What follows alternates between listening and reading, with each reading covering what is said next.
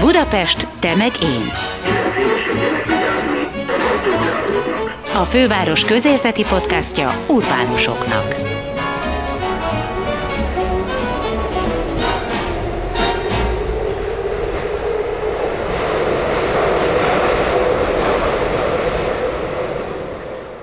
Sziasztok, én Gellért Gábor vagyok. Veres Dóri kolléganőm nevében is köszöntelek benneteket, abból az alkalomból, hogy február 23-án a budapesti közgyűlés helyi védelem alá vont budapesti épületeket, épületegyütteseket. Ezúttal még csak az első kerület kapcsán született döntés, de hamarosan jönnek majd a többi budapesti kerületek is. A dolog azért érdekes, és semmiképpen nem megszokott, mert ezúttal a szocializmus éveinek fontos épületeiről döntöttek. Gondoltátok volna valaha, hogy helyi védelem alá kerülhet egy lakótelep, vagy a déli pályaudvar modern épülete. Pedig logikus, ezek az épületek a múltunk részei. Ha leromboljuk őket, a múltunkkal is ezt tesszük. A beszélgető partnerünk Erő Zoltán, Budapest főépítésze volt, és először arról fogadtuk, milyen szempontok alapján válogatták az épületeket. Kicsit hosszú lesz ez a podcast, de higgyétek el, megéri végighallgatni. Erő Zoltánnak elég jó érvei vannak. Hogyha most nagyon elméletiek akarunk lenni, akkor azt mondjuk, hogy föl kell tudni mutatni az elmúlt korainknak a legfontosabb emlékeit, amelyek valamilyen okból értékesek, adott esetben a tipikusat kell tudni fölmutatni, adott esetben azt kell fölmutatni, hogyan jöttek létre ezek az épületek, hiszen az építészet, az építészeti alkotások, a város, a városkép, ezek társadalmi termékek. Talán mondtam már azt hasonló beszélgetésen, hogy Budapestnek az igazi értéke az a heterogenitása, tehát az, hogy egymás mellett vannak a történelemnek a különböző jobb, rosszabb, kócosabb, magasabb minőségű épületei. Ezt lehet szeretni. Itt, hogyha a Petőfi Sándor utcán végigmegyünk, minden ház más korú, más stílusú, egy klasszicista korábbi épület mellett áll egy szecessziós, magasabb épület. Ez a heterogenitás, ez így, ahogy van, nagyon beszédes, és elmondja Budapest történetét. Aki persze jobban ismeri, jobban beleássa magát, az tudja, hogy mi állt annak a háznak én korábban, hogy nézett ki a Párizsi udvar, amit ma ismerünk, hogy nézett ki régen, milyen volt a Pesti Városháza, tehát ezek, ezek mind-mind a város történetéhez hozzátartoznak, és ezt egy nagyon izgalmas és nagyon kedves dolog olvasni, nem csak Budapesten, gyakorlatilag a történeti városokban bárhol. Tehát, hogyha Firenzébe megyünk, akkor is szívesen olvassuk a lodzsák és palazzók történetét az épületeken, hogyha mondjuk Hamburgba megyünk, akkor a kikötőnek a történetét is látjuk. Tehát a, azt szoktuk mondani, hogy a, az épített örökség az a történetünkkel, történelmünkkel való legközvetlenebb kapcsolat. Mert, mert jelen van az életünkben, nem tudunk, sokkal inkább jelen van, mint mondjuk egy régi zenemű, vagy mint egy régi festmény, vagy egy irodalmi alkotás, az építészeti alkotásokban benne élünk, köztük járunk, meghatározza és átadja a milliót. Kiválasztás az egy másik kérdés, és hogy mit védünk mindebből, az egy másik kérdés, az valamilyen módon egy társadalmi döntés. Az egy olyan társadalmi döntés, hogy már pedig ezt annyira fontosnak találjuk, hogy ezt szeretnénk, hogyha hosszabb távon velünk lenne, fennmaradna, ez egyfelől jelenti azt, hogy ne lehessen lebontani, ne lehessen könyörtelen módon átalakítani, másfelől jelenti azt is, hogy erre fordítani kell bizonyos forrásokat, valószínűleg többet, mint egy átlagos épületre. Tehát a védelem, a védelmi rendszerek azok azért épülnek, vagy azért épülnek ki, azért jönnek létre, mert az a cél, hogy valamit megőrizzünk, megtartsunk, fenntartsunk, bemutassunk, láthat, láttassuk. Na jó, de most ebben a pillanatban a szocializmus épületeiről esik szó, hiszen 45 utáni épületeket vontok most védettség alá. Ezekről az épületekről szeretik azt gondolni az emberek, hogy ezeket el kéne tüntetni. Ezek nem szépek, nem kell őket megvédeni. Rossz korszakot idéznek. Rossz korszakot idéznek föl. Ehhez képest elég sok épületet vontatok most védettség alá, és ráadásul nagyon érdekeseket. Igen. Tulajdonképpen azért kerültek most ezek sorra, mert eddig ezekről nem beszéltünk. Valami olyasmit kell látni, hogy, hogy körülbelül 50 év az, amikor kezdenek értékelhetővé, érdekessé válni az épületeink. Az 50 év az egy ilyen ökölszám természetesen. Van, ahol ez jogszabályban van, de Franciaországban például egy napos épületet is le lehet védeni műemlékként, tehát átadás pillanatában, és meg is történt. De mi nálunk ez az 50 év, ez nincsen jogszabályban, de egyfajta rálátást mégiscsak szükségesé tesz. És ahogy haladtunk itt a fővárosnál a helyi védelem körének a bővítésével, a tavalyi évben elsősorban két világháború közötti épületeket védtünk, tehát ezek is modern épületek, ugye az a, az a modern időszak, ami 1930-tól számítható, és 45-ig nagyon termékeny és nagyon, nagyon jó minőségű épületállomány jött létre sok helyen. Ebben nagyon felkészülten lehetett már válogatni, mert ennek szakirodalma is van, és, és kellően, kellően ismert ez az épületállomány. Viszont az idén, amit úgy kell érteni, nem, tehát az elmúlt év során már tovább léptünk ezen, és egyfelől a második világháború utáni közvetlen néhány év, konszolidációs időszaknak szokták nevezni, de hát tudjuk, hogy történelmileg ez a 48-49, ez már a konszolidációnak egy, tehát ez, ez már a, a változás időszaka volt, és már kezdődtek a sötét napok, de akkor még nagyon jó épületek jöttek létre. Ez is egy érdekes időszak. Utána a szocialista realizmusnak a rövid, rövid de de jellegzetes időszaka volt, ez az 51-es építészeti vitától számíthatunk 56-ig, és 56 után pedig ismét egy modern időszak következett, egy érdekes módon egy nagyon felszabadult, jókedvű, dolcsevitás hangulatú épületállomány jött létre erre tudsz mondani egy példát, amit esetleg így fel tudunk idézni, mert ezt most nem tudom pontosan mit értesz ez alatt az 56 után. Meg ennek a lelki oldalát is, hogyha kifejtenéd. A lelki, oldala, az, lelki oldalát nehéz megfejteni, de, de inkább azt mondom, ami ebben az érdekes. Amiért például ezeket az épületeket érdemes megőrizni, mert, mert el tudunk gondolkodni ezeken a kérdéseken. Tehát a második világháború után az újjáépítés időszakában egyfelől ugye a romokból kellett használható lakásokat építeni, másfelől megindult az a fajta gondolkodás, ami a korábbi modern időszaknak a nagyívű, egészen új megközelítésű térhasználat, tömegformálás és homlokzatképzés, ami a modern építészet eszköztárában volt. Ezt például az új ideológiának megfelelően a tömeges lakásépítésre is próbálták használni.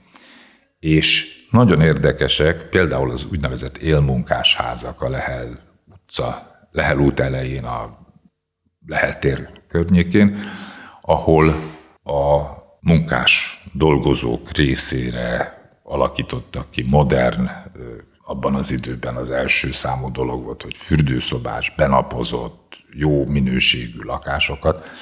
Ezek a házak ennek a korszaknak nagyon érdekes példái, mert a későbbiekben ezek a lakások ezek kicsit egyszerűbbé váltak, kicsit leegyszerűsödtek. A szocialista realizmusban számomra az egy nagyon furcsa dolog, hogy akkor már igazán sötét idők voltak a politikában és a történelemben, és kiváló minőségű épületek születtek, tölgyfa ajtókkal, kovácsolt vas díszekkel, egy kicsit ugye Magyarországon is arhaizáló stílust kellett követni a Szovjetunió példáját, példájának megfelelően, de ugye nem, nem a Stalin barokkot követtük, mi nálunk egy klasszicizáló, kicsit skandináv hangulatú épület együttesek jöttek létre. Erre tudok példát mondani. Erre is tudok példát mondani. A, ha bár ez most nincsen benne az idei védettségi listában, de már vizsgáltuk, csak egy kedvenc épület együttesem, a Kerepesi úti lakótelep az Őrsvezér terétől befele, ahol olyan emberi léptékű, barátságos udvarok jöttek létre, egy árkádos folyosó néz a mára nagyfákkal megtöltött udvarra. Négy emeletes épületek, ezek néhány helyen van csak kiemelt toronyszerű, bástyaszerű épülettömeg, tagolva egy ilyen meanderes alaprajzal, amiben képzőművészeti alkotások is megjelennek, sokféle funkció, a bölcsödétől az üzletig mindenféle volt. Tehát egy, egy láthatóan szeretettel és jókedvel létrehozott épületegyüttesről, téregyüttesről van szó, miközben a fekete autókról szólt a, szóltak a mindennapok. Vagy van még egy példa, az úttörő vasút épületeit szeretnénk levédeni az idén, mert az úttörő vasút egy, ugye egy tipikusan szovjet ötlet hogy legyen a gyerekeknek, egy pioníroknak legyen egy, egy, egy vasútjuk, de akik ebben a munkában részt vettek, egy derűs, vidám gyerekeknek, de inkább egy kicsit így a nyaraló, üdülő negyedeknek megfelelő architektúrával hozták létre ezeket az állomásépületeket. Ezek még csak nem is szocialista realisták, hanem még korábbiak, tehát ez a konszolidációs modernek. És például ugye a Ságvári liget a Szép Juhászné néven futó állomásról ismerünk olyan képeket, ahol hatalmas nagy kerthelységek, terasszal, csokornyakendős pincérrel, fölszolgálással, ember tömegekkel, ezek népszerű helyek voltak, vagy a, a Széchenyi-hegyi végállomásnál is van egy éttermi épület, ami sajnos most átalakult és zárva van, de ezek, ezek, ezek vonzó helyek voltak, és kirándulók jöttek a vonattal, bambit ittak, sört ittak, frissítettek, és nem éreztük ebben a politikának a, a sötét szelét. Most ami még érdekes magán az úttörő vasúton, az például az, hogy kiváló minőségben készültek el ezek az épületek. Én ö, szoktam kiránduláskor nézegetni az úttörővasút alagútját. Az úttörővasút alagútjánál első osztályú kőfaragó munkával van kialakítva az alagút portálja, az egész egy mesterségbeli tudást, magas színvonalat mutat. Na, na, mert ugye ez egy kiemelt beruházás volt, tehát ebbe apai, anyait beleraktak, de még a munkások kezében még ott volt az a mesterségbeli tudás, amit még a második világháború előtt tanultak, nem tudták rosszul csinálni, hanem a kőfaragó az a régen megtanult kőfaragó szabályok szerint dolgozott. Na jó, de hogy, hogy tudták így a célmunkás normát teljesíteni? Nehezet kérdezel, de valószínűleg azt nem kapkodták össze. Idővel, most előre szaladunk egy kicsit, amikor ebből a amikor egyre fontosabb lett az, hogy a norma és a termelékenység növekedjék, akkor ugye a 70-es évekre valóban az történt, hogy a, az igényes munka helyett egyre inkább a betanított munkára és az egyszerűbben építhető szerkezetekre kerül sor, és eljutunk a házgyári panelig, ahol, ahol csak az volt a lényeg, hogy haladjon, haladjon, és hatalmas lakásszámok jöjjenek létre, de most még nem ott tartunk. Hát egyébként éppen ez volt a baj, hogy azok, az a lakótelep, a Kerepesi úti lakótelep, ugye téglából épült. A tégla rakás lassan megy. Andrei Vajda filmjét, hogyha látja, emlékeztek rá, ugye Stahanovista köműves brigádok falazó versenyével lehetett ezt a munkát jellemezni, de hát aztán később az, a, az iparosítással tudott ez termelékenyebbé és hatékonyabbá válni. De ebben a pillanatban még rakjuk a téglát, és az ablakoknak kávát falazunk, és a kávákba beállítjuk az ablakot, és még viszintes, meg függőleges az, ami kikerül a kezünk alól. Olyan minőséget képvisel, amire én azt gondolom, hogy érdemes odafigyelni. Fáradjatok el a Kerepesi úti rakótelepre, és nézzétek meg, hogy, hogy, hogy jól érzitek-e magatokat ott. Tehát nézzétek meg, hogy azok a tér arányok, azok kellemesek-e. Hogy az a egész struktúra, tehát, hogy hol utca van, az egyik irányból utca van, a hagyományos jellegű járdával, lámpával, járdaszegélyed, de a másik oldalán az épületeknek park van, és a park összefolyik ezekkel a terekkel, és az autók nem tudnak oda bemenni. Tehát funkcionálisan is jól ki van találva az egész dolog, sokkal kellemesebb, mint aztán a 70-es évekbeli sávházas lakótelep. Egyébként nekem az is furcsa, hogy, hogy lakótelepeket védetek le, hiszen az embernek arról nem az jut eszébe, hogy ez egy műemlék lenne. Tehát mikor olvastam, hogy a, az óbudai kísérleti lakótelepet védtétek, vagy véditek, mikor én arra jártam, én, én, nekem nem volt az az érzésem, hogy ezt feltétlenül védeni kéne, de az ember utána olvas, akkor, akkor kiderül, hogy, nagyon izgalmas, ahogy ez a dolog létrejött, meg, meg, meg ami történt körülötte. Igen, és egy nagyon fontos dologra jutottál most ezzel a, a mondatoddal, mert maga a történés, maga az, az a folyamat, ami létrehozta, az is, hát hogy úgy mondjam, védendő, vagy kultúrtörténetünk része. És akkor beszéljünk erről. Ugye a Hányas évek? 60-as évek legeleje. 60-as. Az Ubdai kísérleti lakótelep azt a célt szolgálta, hogy olyan tipizálható házakat találjanak ki, amelyek aztán nagy sorozatban gyártható. Tehát a típus terv az nem egy ördögtől való gondolat, mert valami olyasmiről szól, hogy egyszer jól kitalált, gazdaságosan építhető, gyorsan építhető, tehát jó prototípus alapján sorozatban tudunk gyártani épületeket. Az Óbudai kísérleti lakótelepen még nem nagy házak vannak, ott földszint plusz két három emeletes házak vannak, van egy, két sávház típus, ami hét emeletes, és vannak pontházak, amik talán nyolcas, nyolc emeletesek, ezt most nem tudom pontosan. Ezek a kisebb házak is aztán több helyen megjelentek országszerte, mint be, amelyek beváltak. Melyek váltak be? Azok, amelyek ahogy az előbb mondtam, hatékonyan építhetők, de azok is, amelyeket aztán jól lehet lakni. Tehát tulajdonképpen ezek a prototípusok, ezek egy az egyes próba darabok voltak, ahol ki lehetett próbálni, hogy aztán a konyha olyan kicsi lett és elalakú, hogy nem lehetett használni, akkor az kiesett a rostán, vagy a leg, módosítani kellett rajta, tehát fejleszteni lehetett ezeket. De az Óbudai kísérleti lakótelepen vannak például sorházak. Vannak például olyan épülettípusok, ahol kétszintes lakások vannak. Ezek mind ott vannak, és mind érdekesek, és valamelyiket ugye ma is annyira szeretik a lakók, tehát ez egy, ez egy olyan kis mikrokörnyezet, amelyik nagyon határozottan leszakad a későbbi paneles óbudai lakótelepről, és hát ennek az egyik kutatója, Brancik Márta, Kisceli Múzeum munkatársa, a, nekünk segített ebben a, ennek a korszaknak az értékelésében.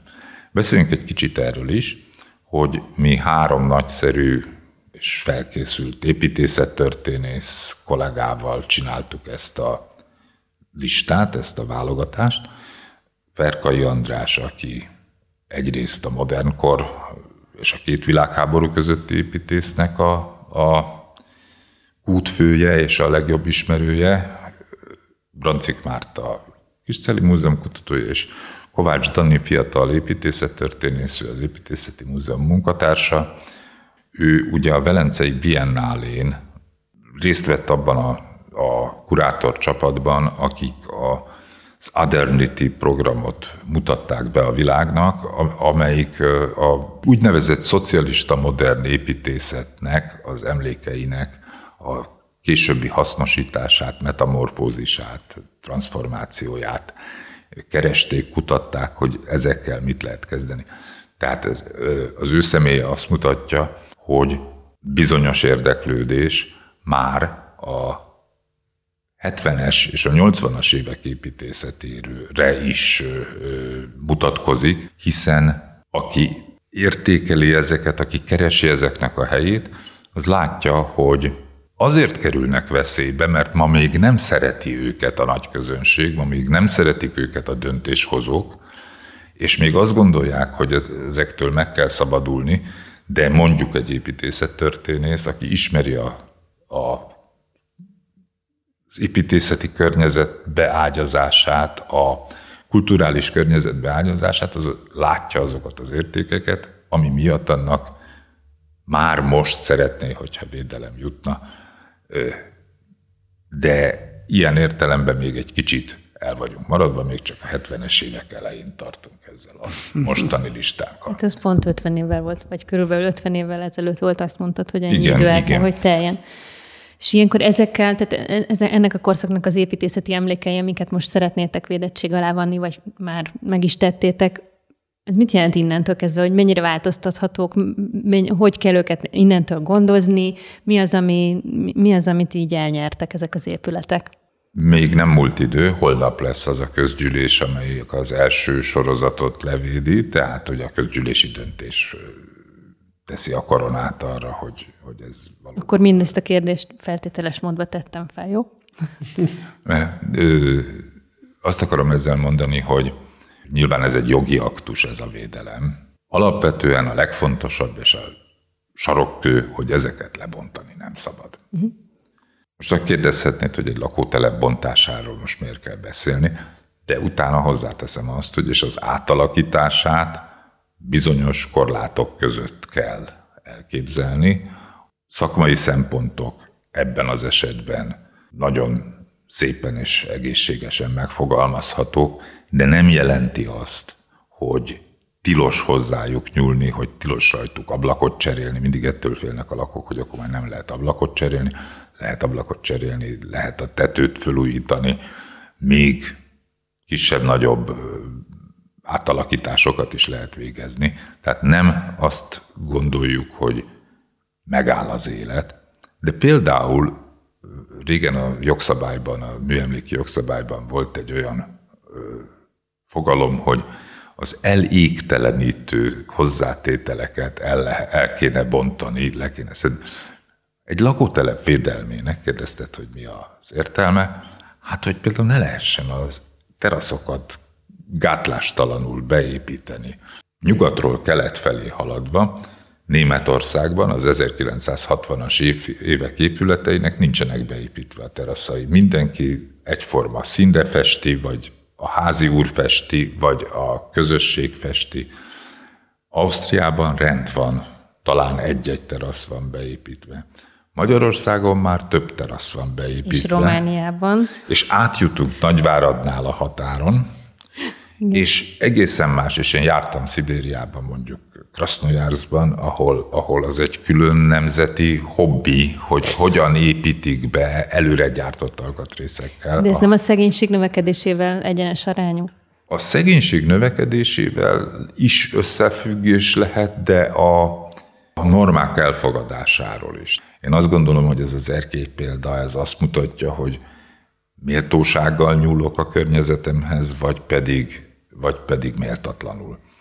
És hogyha a mi védelmi rendszerünk, hogy kimondjuk, hogy ez egy védett épület, csak ahhoz segít, hogy egy kicsit méltóságteljesebben nyúljunk a saját épületeinkhez, hogy a lépcsőházban ne véssük szét a kőburkolatokat, amit mondjuk az 1960-as épületekben kiváló kőburkolatos előcsarnokok és kapubejáratok voltak, hogy erre vigyázzunk, hogy, hogy ennek, ami akkor egy jó minőséget képviselt, hogy azt becsüljük meg, akkor már eléri ez a védelem a célját.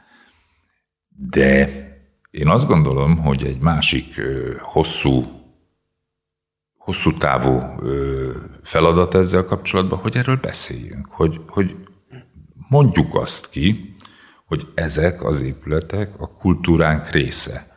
És itt van egy, egy ideológiai bukfenc, ami most sajnos előjön ami védelmünkkel kapcsolatban, vagy akár azzal, ami bontások folynak a budai várban, vagy akár azzal, ami, ami a bizonyos építkezéseket jellemez, hogy, hogy ideológiát próbálnak vinni az építészetbe, nagyon nagy kárt tud okozni, mert az egy nagy tévedés, hogyha azt mondjuk, hogy ezek kommunista épületek voltak, és kommunisták építették, és szürke volt, és az az egész időszak az, az, az egy tévedés volt. Ehhez két dolgot szeretnék hozzátenni, hogy például az 1960-as években semmivel nem voltak rosszabbak bizonyos épületeink, mint hogyha egy olasz kisváros új épít, új lakótelepét nézzük meg. Tehát, tehát jó minőségű épületek, jó, minő, jó, jó tervezőktől megszülettek, és nem igaz, hogy a kornak a szürkeségét tükrözik csak. A másik, amit viszont ezzel kapcsolatban tudni kell, vagy figyelembe kell venni, hogy hát azért ez mégiscsak a mi történelmünk. Tehát ki tudunk-e törölni a történelmünkből tetszőleges időszakot, akár csak most mindenki gondoljon saját magára, azért az komoly pszichés problémákat jelent, hogyha valamit ki akarok törölni, valamit fedni akarok a saját múltamban, akár egy traumát, akár egy sikertelen időszakot, abból, abból önbecsapás és, és súlyos más önismereti hiányosságok fakadnak, tehát én egyáltalán nem tartom ördögtől valónak, hogy azok a dolgok, amik létrejöttek a 60-as években, azokra akár egy kis kritikával, akár szeretettel, de, de emócióval tudjunk odafordulni. Mm. És még tartozom egy, egy épülettípussal, ugye a a 60-as években mondtam, hogy jókedvű, vidám épületek születtek. Erre például az egyik legjobb példa, és ezt mindig, mindenkinek ajánlom, hogy ezzel a szemmel nézze, a Tótárpát sétány épület együttese, ahol ugye a várnak egy szörnyű pusztulása volt a 45-ös ostrom idején, és a Tótárpát sétányon minden második ház modern. Minden második házat a 60-as években építettek de az az összhang, ami ott létrejött, az a barátságos lakónegyed, amit ma, ma is látunk, az azt mutatja, hogy azok az építészek, akik a várba kellett, hogy építsenek, alázattal, szakmai tudással, kísérletezőkedvel, innovatív jókedvel nyúltak ehhez a feladathoz. Tehát ott is vannak olyan házak, amelyek kétszintes lakások vannak, olyan épületek, amelyek modern létükre gótikus ülőfülkéket tudtak valamilyen módon magukba foglalni, tehát a műemlékvédelem és annak a, a talált tárgynak a tovább gondolása, továbbépítése nagyon jó színvonalon mentek. Erre is bátran mondhatom, hogy 1965-ben ott ö, világszínvonalú alkotás volt. A diplomataház az ide tartozik? A diplomataház egy kicsit fiatalabb, és, és egy kicsit később jött létre, de abban is egy nagyon komoly törődés volt, ugye a hallgatók kedvéért mondjuk el, hogy diplomataház az a Szent Háromság tér sarkán állt, most bontották le, düböl, dacból, minden szakmai kérés és figyelmeztetés ellenére, pedig ez Jánosi Györgynek és Lackovics Lászlónak egy olyan épülete volt, amelyik egy olyan mesterségbeli tudást, sok gondolkodást, spekulációt, útkeresést, formavilágkeresést mutatott, ami azt a célt szolgálta, hogy az a ház oda, arra a sarokra egyedi és megismételhetetlen egyéniségként tudjon megszületni. Mi is történt? Keresték azt, hogy hogy lehet ott három épület helyén egy olyan architektúrát létrehozni, ami nem lesz túl nagy ahhoz a területhez. Ezen úgy segítettek, hogy különböző hangulatú homlokzatokat, egy sűrűbosztású homlokzat mellett egy nagyobb ablakokkal rendelkező homlokzat. A tetőben egy finom hasítékkal mutatták, hogy itt vált ketté korábban az egyik ház a másiktól. Ezek finom ö, eszközök olyan, mint egy Szabó, amikor az utolsó igazításokat is megcsinálja a ruhán, hogy az passzoljon arra a vevőre. A, az egész homlokzati architektúra egy ilyen függőleges, támpilléres hangulatú, téglából falazott, de nyersen dörzsölt, dörzsölten hagyott téglából készült, ami egy kicsit a Mátyás templom gótikájára hasonlított. Az egésznek a, a párkány kialakítása nem akart olyan lenni, mint egy történeti ház, de mindenképpen a párkánynak egy horizontális, lezáró elemként való ö, hangsúlyos kidolgozását tartalmazta. Tehát rengeteg szellemi munka volt benne. Most én azt gondolom, hogy ha valamiben rengeteg szellemi munka van, akkor azt leváltani düböl, dacból egy olyan házra, amiben semmi szellemi munka nem lesz, ez egy hiba. Tehát ez olyan, mintha egy jó minőségű festményt a falamon átmázolok egy bicsre. Nagyon nehéz ezt megítélni, mert nézegettük pont a Dórival ezt a házat, és megállapítottuk, hogy nekünk például nem tetszik. De, De ez nem egy érv. Nem, szerintem ez pont erre példa, amit korábban mondtál, hogy mi még valószínűleg, mivel nincs építészszemünk, és túl közel van korban hozzánk, hogy érzelmileg mást ö, kapcsoljunk ehhez az épülethez, nem tudjuk értékelni most még ennek a, vagy hát nem tudtuk értékelni most még ennek a háznak a, az építészeti értékeit, de lehet, hogy 20 év múlva meg már majd, nem tudom, a dédunokáinknak már más szeme lenne erre, csak sajnos mi nekünk fertőzve van az előző rendszerrel a szemünk. Szerintem ez egy jó példa erre, amit mondtál, hogy építészek értik, látják, hogy értékes, mi még nem. Messzire vezet ez a dolog, mert mert ugye például itt most elkanyarodhatunk abba az irányba is, hogy akkor mégis kimondja meg, hogy mi legyen. Hát ez most az. ugye, hogyha... A hozzáértők. Hogyha, hogyha ezt teljesen demokratikusan kezeljük, akkor akkor az egész ország pisztácia színű lenne. Mert, mert vagy, vagy mi úgy szoktuk mondani, hogy akciós festék, tehát látszik a magyar faluképen, hogy bármit el lehet adni, mert a mintakövetés az rossz irányba is tud menni. Most, hogyha van egy design kultúra, van egy építészeti kultúra, amelyik valamilyen módon működik egy országban, vagy egy közösségben, nem, nem az ország a lényeg, a közösség lehet nagyobb is, Európa is lehet ez a közösség, akkor az azt jelenti, hogy vannak minták, amiket mutatunk, és ezek a minták követőkre találnak.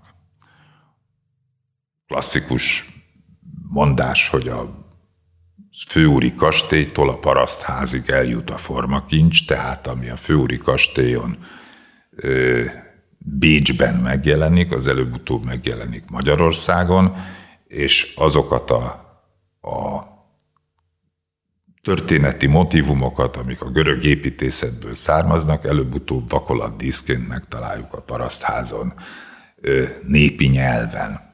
És ez egy nagyon izgalmas folyamat, tehát ebben, ebben, ebben látni kell az áll, a, a, a Látni kell a törvényszerűséget, tehát a, a stílust egy mintakövetéssel folytatjuk, akár szakmai mintakövetéssel, tehát, tehát egy, egy, egy jó épületet a másik építész is lemásol, akár a megrendelő mintakövetésén, hogy az, amit lát, azt ő szeretné megkapni. És azt kéri. Na most ennek a dolognak vannak szerencsésebb változatai, tehát például az 1965-ös Tótárpát sétányban, sétányon lévő házaknak kétségkívül van egy skandináv hangulatú. Azokról beszélünk, amelyeknek nagy teteje van, tégla falai vannak, kisebb-nagyobb ablakok váltják egymást. Egyszerűen az rémlik, hogy ott a régi házak közé néha be van ékelve ilyen, van, igen, sok ilyen üveges, igen, igen. Igen, rossz igen. állapotú ház egyébként, de akkor nem erről van szó. Hát biztosan találunk ilyet is. Uh-huh. De, de azt hiszem nem az üvegfal méretével van a probléma. Most Gondoz, ezek, ezek, ezeknek a házaknak a léptéke, a nagysága, a magassága, a tördeltsége, adja azt, amitől ez illeszkedik. Volt egy korábbi ház, amit lebontottak, ez a bizonyos teherelosztó a Kapisztrán térsarkán, amelyik abszolút anyagidegen volt a vártól, mert nem vakolt falakkal, fa ablakokkal, hanem alumínium függönyfallal és nagy üvegfelületekkel készült, de mégis ez a ház léptékében, tömegalakításában, tagoltságában maximális módon figyelembe vette a környezetét, sokkal inkább, mint mondjuk az a levéltári épület, amelyiken történeti motivumokat látunk, de hat emelet magas, és úgy állott, mint egy vár. Várnak azon a pontján, ahol vár soha nem volt, mindig polgár. Hát nagyon dominál. Nagyon dominál. Tehát, ha valaki megkérdezi most, hogy melyik ház illeszkedett a budai várhoz, akkor én ugye azt fogom mondani, hogy az alumínium üveg homlokzatú teherelosztó illeszkedett, ez nem. Hogyha valaki a történeti formák felől nézi, akkor azt mondja, hát van egy gyönyörű szép téglaház, majolika díszekkel, az a szép, és szőnyeg alá söpri azt a problémát, hogy ott volt egy olyan kémény, ami az egész városból látszott, és lovaktoronynak volt álcázva, pedig egy fűtőkémény volt, tehát lovaktoronyból jött tehát ezek olyan kérdések, amiket akkor tudunk ízesen megbeszélni, hogyha beszélünk róla. Ne, hát az is nagy kérdés, hogy erről ki beszélhet. Csak azt nézem, hogy ennek az egy kérdésnek, és ezeknek a védelemnek, és ennek a kapcsán micsoda összecsapások vannak a Facebookon, a közösségi médiában, akkor miközben én is látom azt, hogy laikusok is próbálják megfogalmazni a véleményüket, ami nem szakszerű de én nagyon örülök, hogy egyáltalán szóba kerül, és én azt gondolom, hogy hogy hát a modern építészetről is kell ennyit beszélni, hogy a diplomata házon azok a támpilléres, függőlegesen tagolt homlokzatok, azok a pénzügyminisztérium és a Mátyás templom gótikus hangulatát próbálták behozni, és a mester egy, egy részpárkányjal próbált viszintes hangsúlyt adni neki. Tehát tehát ugye egy könyvet is akkor élvezel, hogyha az első cselekmény fonal mögé belátod a karaktereket, belátod a drámai összecsapásokat, hogyha ezeket értékeled. Egy könyvet, hogyha elolvasol, nem csak arról beszélsz, hogy X szerette Y-t, hanem azt, hogy micsoda fifikával játszották ki a harmadikat, és hogy ebből mi a tanulság. Mik voltak a motivációk, igen. Igen, tehát, tehát hogy, hogy, a, tehát, hogy tudna, a kultúra fogyasztásának egy eszköze, hogy, hogy elemzett, hogy nézett, hogy egyszer hagyott, hogy hasson rád, másod. Most az építészetnél is így van. Tehát ez egy ilyen feladat, közös feladat, vagy a, a, a, aki, aki élvezni akarja, az, az, az meg is teszi ezeket a lépéseket. Tehát beszéljünk arról is, hogy vannak a városi séták. 15 éve még nem voltak városi séták. A Kortárs Építészeti Központtal, vagy a hosszú lépéssel, vagy más ilyen ö, vállalkozókedvű fiatalokkal elindítottuk, elindultak ezek a séták, és és ezek nagyon népszerűek, és nagyon sokan csatlakoznak hozzá. Tehát mondjuk a Kerepesi úti lakótelepen én magam is vezettem ilyen csoportot, egy hőség napon, egy júliusi szombat délután voltak ott fiataltól idősig egy nagyobb csoportban, mert érdekelte őket ez a, ez a dolog, hogy mit mondanak a szakemberek, hogy mire hívják fel a figyelmet, hogy hogyan ágyazzák be ezekbe a történetekbe. Van egy-két olyan épület, amit most védettség alá akartok vonni, ami tényleg konkrétan a lebontás veszélye fenyegeti, ilyen például a déli pályaudvar körszállóról is időről időre felvetődik, hogy leszedik, Emiatt került bele ebbe a körbe ez a két épület, vagy, vagy mindenképpen bekerült volna? De tulajdonképpen emiatt, ahogy mondod, hogy, hogy megmaradjanak, de azért mind a kettőnek az esete más. A déli pályaudvart egy külső javaslat alapján vettük bele, mi magunk is fontosnak látjuk, de a körszálló pedig most éppen az, az, az a kérdés, hogy ki védje, mert a második kerület is nagyon szeretné védeni a mhm. körszállót, mi is nagyon szeretnék védeni a körszállót, ezen nem fogunk persze összeveszni, mert a kerületi helyi védelmi rendszer is pontosan ugyanolyan jó és, és megfelelő, tehát ez, ezzel csak inkább azt akarom mondani, hogy valamilyen módon fontosnak látjuk, még akkor is, hogyha valaki azt mondja, hogy az zavaró a hűvösvölgy látképében, bárhonnan nézem, mondjuk a Tótárpácsétányról, vagy a Bástyasétányról, zavaró, valójában a budapesti, vagy a budai panorámának részévé lett, és, és, és, és egy, egy, egy elég érdekes épület, tehát elég, elég jó épület. Mondjuk a, egy nem jól funkcionáló hotel, speciál, és ugyanez van a déli pályaudvarról, hogy elveszi kérdés, a funkcióját. Az más kérdés, és a déli pályaudvarnál is más kérdés, hogy mennyire funkcionál. Erre engedjetek meg egy anekdotát, hogyha még nem vagyunk nagyon, nem csúsztunk ki az időből. Nagyon izgi, úgyhogy mondjál szerintem. Ö, Angliában épült egy vasútvonal. A vasútvonal mellett épült egy állomás. Ez működött, mondjuk, hogyha most ilyen hasraütéses számokat mondok, 1900-ban épül egy vasútvonal, és 1950-ben bezárják ezt a vasútvonalat. A vasútállomást le akarják bontani, de ez a vasútállomás ez szép és védettséget kap. Ott áll üresen, majd egyszer csak jön valaki, és rájön arra, hogy kocsmát nyit benne. Egy nagyon népszerű kocsma lesz a vasútállomásban, és telik múlik az idő, és megnyitják a vonalat. És akkor kiderül, hogy a vonalnak alig maradtak meg vasútállomásai, de ez, amelyet levédtek, és előbb-utóbb funkciót is talált, ez megmaradt, és jó állapotban maradt fönt, tehát annak a vasúti karakternek ez lett a, a képviselője. Tehát a funkciókat ter, természetesen váltani is lehet, Természetesen keresni is lehet, hogy, hogy milyen funkciót töltsön be.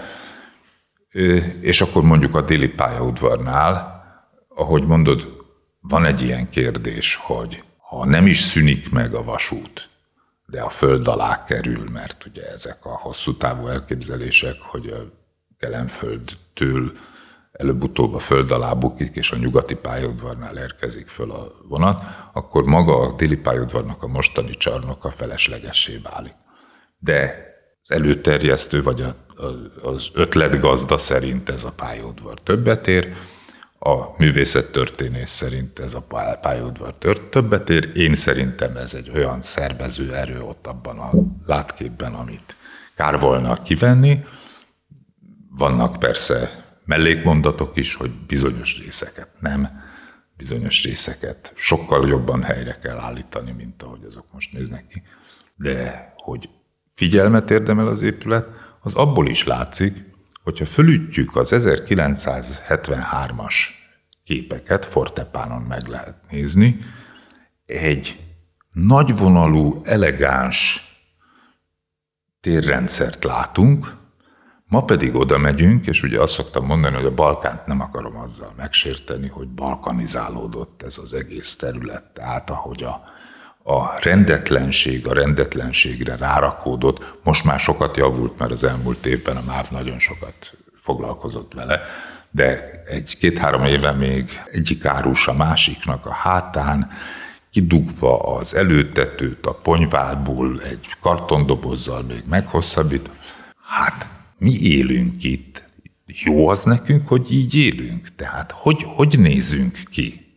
Most én, én, nálam sincsen otthon minden elvágólag, ezt nem merném mondani, de, de hát valahogy azért legyen egy tartásunk, hogy ne kartondobozokba és eső, eső kabátokból kialakított ezek ilyen ponyvák között caplatva menjünk haza, meg jöjjünk be.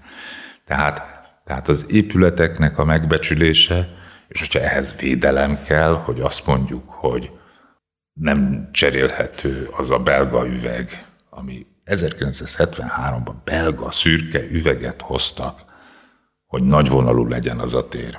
És tessék megnézni mondjuk az aluljáró részen, hogy ezt ilyen szögacélkeretre, uh-huh.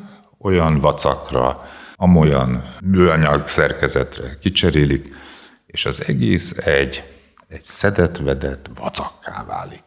Innentől nem tudom, hogy, hogy, hogy mit szígyunk, tehát ha 73-ban létrejött egy igényes együttes, és utólag elromlott, akkor ott az épület azért megérdemli a dicséretet, és valószínűleg oda kell arra figyelni, hogy hogy, hogy használjuk az épített környezetünket. Ez volt a Budapest Temegén Podcast, melyet a Budapest Brand Nonprofit ZRT megbízásából a Kinopolis Kft. készített.